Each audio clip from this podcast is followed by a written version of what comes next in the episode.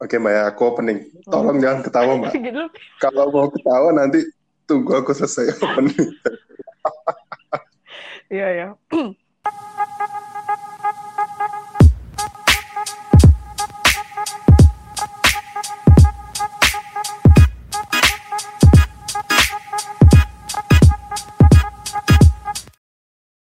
Halo semuanya, selamat datang di podcast saya bersama saya Hafiz Aditya dan kali ini saya ditemani oleh seorang narasumber.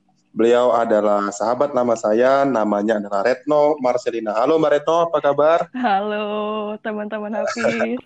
Pis keberatan Pis kalau bilangnya narasumber. Apa ya? Gak apa-apa lah. Apa jadinya? Kayak kalau kalau dibilang- narasumber harus dapat orang-orang yang denger harus dapat insight. Kayak aku nggak bakal memberi banyak insight. Dapat lah. Setiap orang punya insight masing-masing kan. Oke Mbak oke. Lebaran tahun ini kita udah pacak ketemu ya Mbak ya? Iya sedihnya gara-gara COVID-19 Hmm, pandemi. Jadi orang-orang nggak bisa pulang. Jadi semuanya stay at home. Gimana kerjaan kau di sana Mbak? Em, alhamdulillah lancar ya walaupun di lebaran ketiga juga udah tetap masuk langsung masuk pas PSBB pula jadi jadi di sistem di kantor aku itu kan cuma dibatasin kan 10 sampai 20 orang yang di kantor. Dan aku salah satunya yang masuk sampai dua minggu eh sampai hari ini. Aku cuma WFH dapat hari berapa hari ya? Dua hari atau tiga Seminggu? hari gitu? Enggak Oh, dua dua atau tiga hari. Jadi fully masuk ke kantor dari lebaran ketiga. Ya alhamdulillah sih. Ya rezeki ya namanya. Hmm. ya disyukurin aja lah. Di Palembang kan? Palembang di Palembang. Justru karena Di mana sih Mbak? Boleh disebutin nggak? em, eh, di salah satu kampus punya Kementerian Pariwisata Oh, Oke. aku btw aku nggak bukan dosen aku cuma staff jadi Cuma staff. ya gitu Mbak, dulu kan kita pernah ketemu tuh. Hmm. Aku lupa di Jakarta apa di Malang. Mm-mm. Kayaknya pas kau ke Malang sih. Hmm. Nah, kita pernah bahas kalau lulus nanti apakah tetap stay nah Pulau Jawa atau pulang ke Palembang. hmm, hmm. Teman-teman yang belum tahu, Hmm. aku sama Mbak Retno ini sama-sama SMA di Palembang. Hmm. Memang kita satu kelas ya, Mbak. Mm-mm, betul Kelas itu ada 18 orang dan lima orang kuliah di Pulau Jawa. emang lima Salah satunya, ya lima. Arista, Sultan, aku, kau, sama Pralara. Pralara di Tel. oh iya iya betul betul Oh, sekarang ada Juki sama oh, oh. Baby. ih kok parah nge-skip Apa? parah Hafiz Debbie Juki kalau denger ini nama kalian di skip sama Hafiz Enggak, di skip kan udah disebutin. sempat di skip oke lanjut Nah, kau kan di vokasi IPB, Mm-mm. aku di Brawijaya. Mm-mm. Terus tuh pas ngobrol itu kita sepakat Mm. kalau di Pulau Jawa ini lebih kompetitif, Iya, transfer knowledge-nya lebih Iya, mudah, iya iya kembang lah. Mhm. Apa yang buat kau akhirnya pulang dan kerja di Palembang? Anjir lah pertanyaannya. Eh, jadi gini, em, ekspektasi ketika lulus waktu itu kan karena emang udah kelanjur ngerantau jadi kayak nyaman. Kayak gue nggak bakal balik lagi deh ke Palembang karena emang ya posisinya udah udah nyaman aja di di Jabodetabek gitu. Bahkan expect bakal kerja di Jakarta. Ya gitu lah pokoknya. Terus eh, seiring berjalannya waktu beberapa kali ketemu eh beberapa kali dapet undangan interview di Jakarta perusahaan-perusahaan yang lumayan juga bagus. Sekarang apa namanya eh, dan gagal-gagal juga akhirnya mikir kayak eh, waktu itu berapa bulan ya?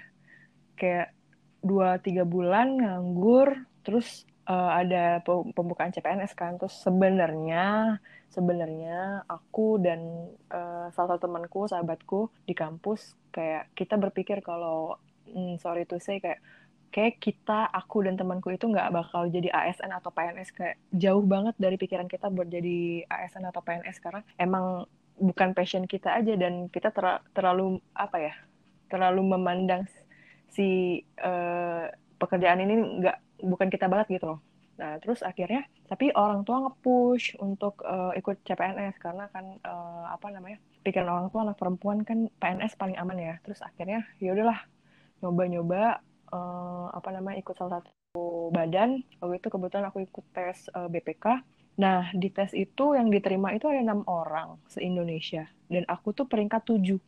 Terus kayak, oh sakit ya, ternyata gini ya rasanya. Terus tapi uh, tapi itu jadi jadi apa ya? Kayak uh, ajang pembuktian aja kayak ini nih udah udah aku penuhin keinginan orang tua aku untuk ikut PNS gitu. Walaupun aku juga nggak mau sebenarnya gitu. Akhirnya PNS nggak lulus nggak nggak lulus terus akhirnya uh, papa bilang pulang dulu aja ke Palembang gitu kan. Terus pulang ke Palembang dengan keadaan nganggur bayangin aja kuliah kuliah di Bogor tiga tahun terus balik-balik ke Palembang posting nganggur udah berapa bulan sampai waktu itu udah stop sosial media kayak teman-teman pun aku unfollow unfollow karena ngerasa insecure aja. Kayak teman-teman udah pada kerja kerjanya pada hmm. bagus-bagus. Terus kayak pada saat itu gue ngerasa kayak nilai gue nggak jelek-jelek amat anjir gue cum laude gitu loh. Terus beneran ini kayak bukan bermaksud sombong atau apa nggak nggak nggak sama sekali. Justru karena karena itu jadi beban moral aja kayak lah berarti gue nggak kompetitif dong. Berarti gue kalah dong sama teman-teman gue yang kemarin biasa-biasa aja gitu loh. Berarti gue nggak nggak ada nilainya dong. Gitu sempat ada kepikiran kayak gitu. Terus apa gue apa gue durhaka apa gue kutukan gitu nggak nggak dapat kerja. Ketika teman-teman gue yang nilainya biasa-biasa aja yang nggak pernah ke, kampus malah kuliah eh malah dapat kerja yang bagus. Terus akhirnya ya udah balik ke Palembang. Balik ke Palembang sama eh uh, Palembang kan lebih susah ya dapat kerjaan. Akhirnya awal tahun uh, disuruh lagi sama orang tua untuk ikut salah satu tes BUMN gitu kan. Dan lebih lebih lebih lebih ribet lebih ribet ribet seribet ribetnya udah satu tahap lagi satu tahap lagi tahap terakhir nggak lulus. Ya udah akhirnya nggak ngerti lagi udah kayak aduh nggak ngerti nggak ngerti. Terus uh, akhirnya mikir uh, waktu itu posisi tes di di Bandung. Di Bandung uh, ikut sama kakak ngontrak di kontrakan kakak. Terus mikir papa bilang mau pulang ke Palembang atau stay di Bandung? Terus kayak kayak Bandung nyaman deh. Terus tempat mikir kayak apa gue nyari kerja di Bandung? Akhirnya iseng-iseng nyari kerja di Bandung nggak dan ternyata nggak sesulit di Jakarta kan uh, dua minggu nganggur di Bandung kerja lah aku kerja di salah satu uh, perusahaan travel haji umroh. Nah di situ kayak ngerasa wah uh, apa ya? Kayak gimana ya? Ada perasaan kayak yakin nih no kerja di sini gitu loh sempat ada pikiran kayak gitu. Tapi karena emang lingkungannya positif banget kayak aku menjadi soleha di situ kayak sholat segala macam lingkungannya sangat positif. Akhirnya ya udahlah itu aja yang diambil kayak gaji nomor sekian status nomor sekian gitu loh. Kayak ya kerjaannya gimana ya? Dan itu kerjaan yang emang komunikasi banget sih pada saat itu. Kayak aku kan ditugasin jadi markom di situ. Kayak ketemu orang-orang eh, ketemu passion aku aja gitu itu ngerasa kayak oh ini kerjaan aku nih ini emang ini emang yang aku suka gitu loh. Nah terus tiba-tiba eh, dapat panggilan nih interview di tempat aku kerja sekarang. Nah itu juga keputusannya cepet banget kayak pulang atau enggak terus papa bilang pulang selagi bisa pulang dapat kerjaan yang bagus pulang. Karena sempat papaku juga nggak suka aku kerja di swasta gitu. Apalagi perusahaannya kecil bagi papaku gitu. Terus akhirnya uh, pulang ke Palembang tes beberapa kali ya udah sampai sekarang aku kerja. Dan sesungguhnya ini pekerjaan yang jauh jauh jauh jauh banget dari eh, nggak uh, jauh banget dari dari dari bidang aku selama kuliah tiga tahun ini kayak aku tuh tipikal orang yang paling benci administrasi. Kalau di, di organisasi, kalau bisa aku nggak jadi sekretaris, kamu nggak jadi sekretaris. Kalau bisa aku jadi ya aku mending jadi forla apa jadi korlap atau aku orang yang di lapangan aja gitu nggak mau ngurusin administrasi gitu. Nah sekarang aku malah kecemplungnya di bagian administrasi gitu. Kayak aduh sempet stres gitu, bingung kayak mau ngapain, terus lingkungan baru, ketemu orang-orang baru ya walaupun ya aku masih masih bisa masih bisa menyesuaikan karena emang orang Palembang kan. Cuma tapi mostly kan memang atasanku juga banyak orang Jakarta orang dari kementerian kan. Jadi aku juga mikir kayak aduh aduh sulit kayak aku nggak mampu deh gitu. Seorang anak komunikasi terus tiba-tiba jebret ngurusin ribuan mahasiswa gitu karena ini juga kampus baru. Jadi ya ya udah sampai sekarang udah mau setahun ya udah dinikmatin aja gitu. Dinikmatin aja kayak uh, malah sekarang setiap kayak dipanggil misalnya Rat, uh, lu siapin data ini bla bla bla bla bla kayak wah jadi ketemu nyamannya sekarang karena udah udah biasa gitu. Jadi kalau kata orang uh, do what you love atau love what you do tuh emang bener kayak ngefek aja gitu. Asal lu ikhlas terus um, uh, suasana kantor ngebantu ya lu bakal enjoy enjoy aja gitu. Tapi ini sih no, kalau aku dengar cerita kau sih hmm. uh, kau dapat apa ya akibat dari kau nurut sama orang tua sekarang kau selamat tau Iya kan iya. bayangin kalau kau masih di travel um ah. haji dan umroh itu ah. ditambah lagi ada pandemi ini kan nah, hmm. mungkin iya kau sih. sekarang makin stres kan kalau karena kau ngikutin omongan orang tua yang suruh bener. pulang ke Palembang bener. oke sekarang pasti kerja Oh, Udah beli mobil lagi kan? Eh. Wah, gila. Ah. nah, Mbak, sebenarnya ini juga Mbak yang buat aku galau ya sekarang ini. Mm-hmm. Apa harus bertahan sama idealismeku mm-hmm. atau harus realistis ya? Karena mm-hmm. sekarang aku lagi sebagai pencari kerja kan. Iya, iya, iya. Tujuannya sekarang ya gimana? Mm harus bisa punya penghasilan sendiri nggak yeah, bisa yeah. merotot lagi mm-hmm. cuman ditambah kondisi seperti ini mm-hmm. ini juga uh, gini sih um, kalau menurut aku ya siapa pun bukan habis doang sih kayak siapa pun yang lagi lagi gambling kan pasti masa kayak gini nih iya. nggak pandemi aja susah nyari kerja coy coy susah banget coy benar um, kalau nggak ya beruntung kayak teman ada teman kita yang beruntung misalnya atau yang nilainya super super super super super super bagus berprestasi ya kita kita harus harus siap bersaing sama jutaan calon pelamar. Nah ditambah sekarang pandemi kayak uh, apa ya kemungkinan kita tuh semakin peluang kita tuh semakin sempit dan semakin kecil ketika orang-orang pun banyak yang di PHK dan lain sebagainya. Kalau kalau kata aku sih ya uh, manfaatin apa peluang yang ada di depan mata sih. Kayak nggak usah muluk-muluk. Terus uh, apa namanya nggak usah terlalu ber apa ya terlalu idealis. Nggak usah terlalu idealis. Nggak usah terlalu apa ya kita kan sebagai fresh graduate kan yeah. maunya gajinya sekian. Ah aku kan anak Brawijaya bisnis internasional. IP aku sekian. Misal misal let's say kayak gitu. Ya yeah, kan kok gitu orangnya? Kan aku belajar dari kamu gitu dong jadi manusia nggak gini.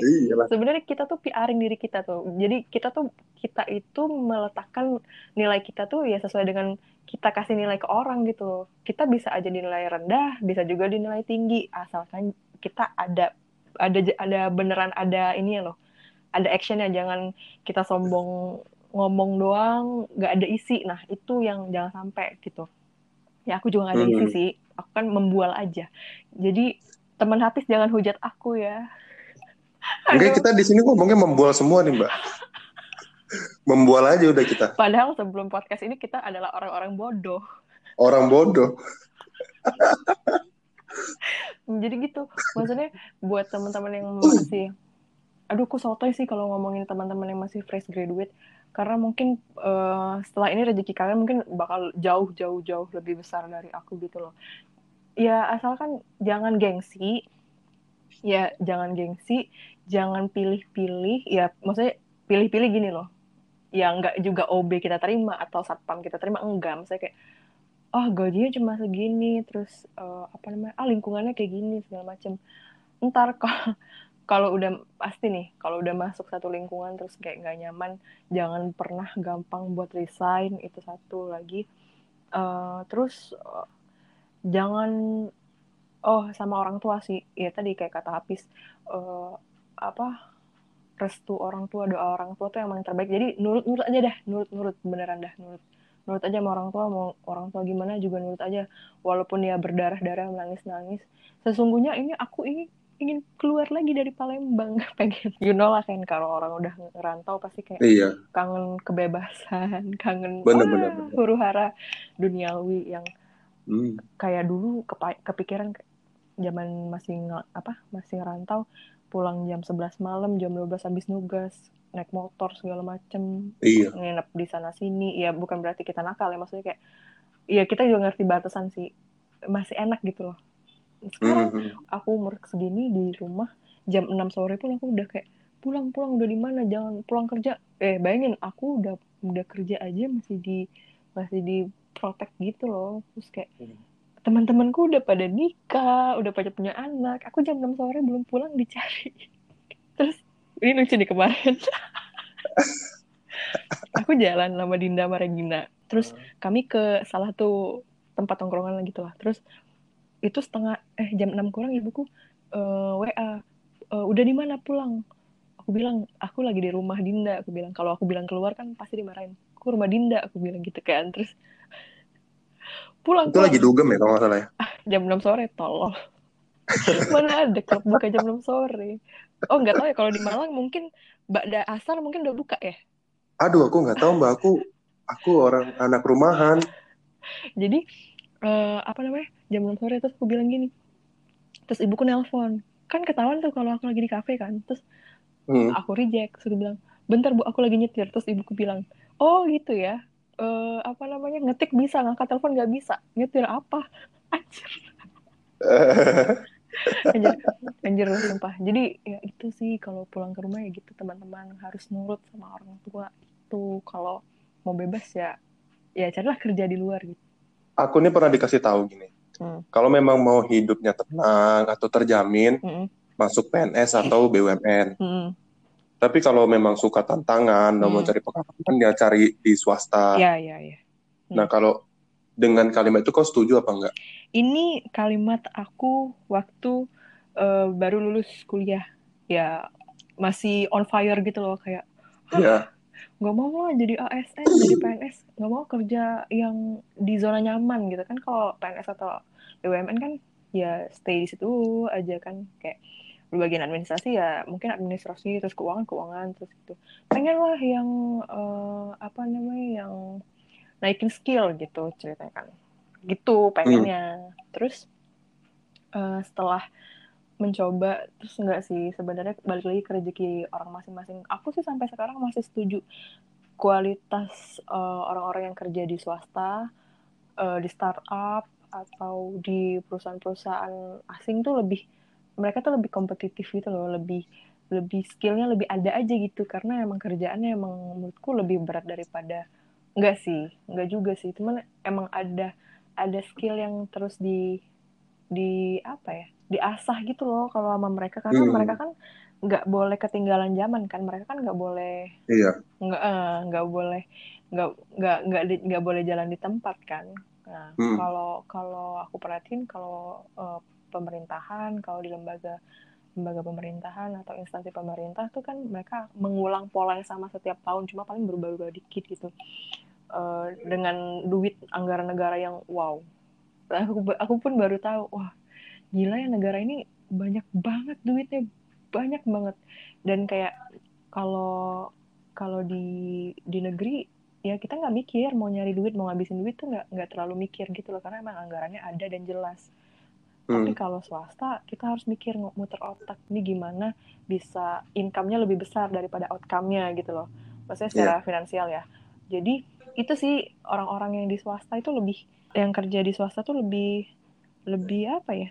Ya lebih kompetitif lebih lebih keren aja secara ya walaupun di belakang mereka ya nangis darah mungkin gitu Nah juga kan permasalahannya nggak cuma itu ya Mbak. Gimana kita bisa dapat kerjaan yang sesuai dengan passion dan kita bisa mencintai kerjaan kita kan. ya betul betul Kita sekarang bicara gitu ya karena kita nggak tahu apa Hmm. yang terjadi nanti pas ya kerja. ya betul Apalagi kalau udah menyangkut finansial dan keluarga ya, kan. ya betul Nggak ada alasan untuk keluar dan cari pekerjaan. Ada Ya, anak betul. istri yang harus dinafkahin gitu. itu bagi kau Iya, enggak maksudnya eh, iya iya iya kita yang masih muda-muda ini Ah. baru awal-awal kerja gampang lah dengan mengatakan Ah. masuk BUMN, masuk Ah. startup, swasta, bla bla bla bla. Tapi Ah. kan kita nggak tahu nanti kalau sudah ke depannya sudah punya keluarga, punya Iya, tanggungan iya. gitu. Iya, betul.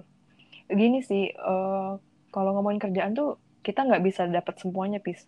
Nggak bisa Iya. kita dapat sekaligus kayak pekerjaan yang sesuai passion, gaji yang gede, lingkungan yang enak, deket rumah misalnya, atau Iya, eh, tunjangan gede. Nggak, nggak, kita harus pilih salah satu nggak mungkin itu. Kecuali kita pun punya perusahaan sendiri. Pun punya perusahaan sendiri pun ya nggak mungkin ada aspek-aspek itu dalam satu satu apa satu paket gitu loh. Pilih salah satu.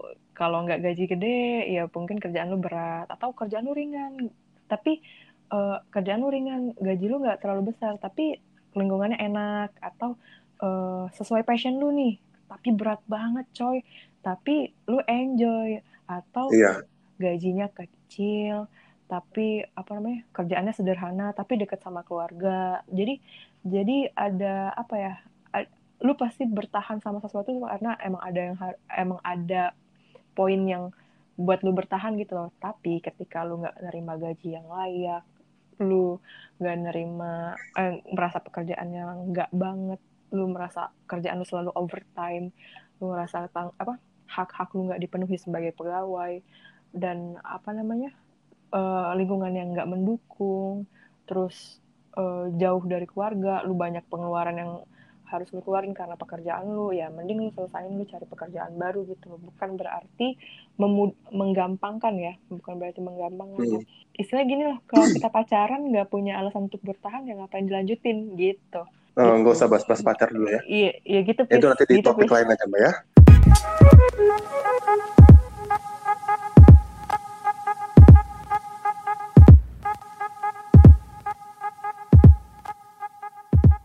Nah, terus apa yang didapatkan dari kuliah? Yang didapatkan dari kuliah itu adalah membentuk pola pikir kita, yeah. mengajarkan kita untuk berpikir analisis, kita menganalisis sebuah fenomena, lalu kita mampu menjelaskannya dari teori-teori dasar yang didapat di kuliah gitu kan. Anjay.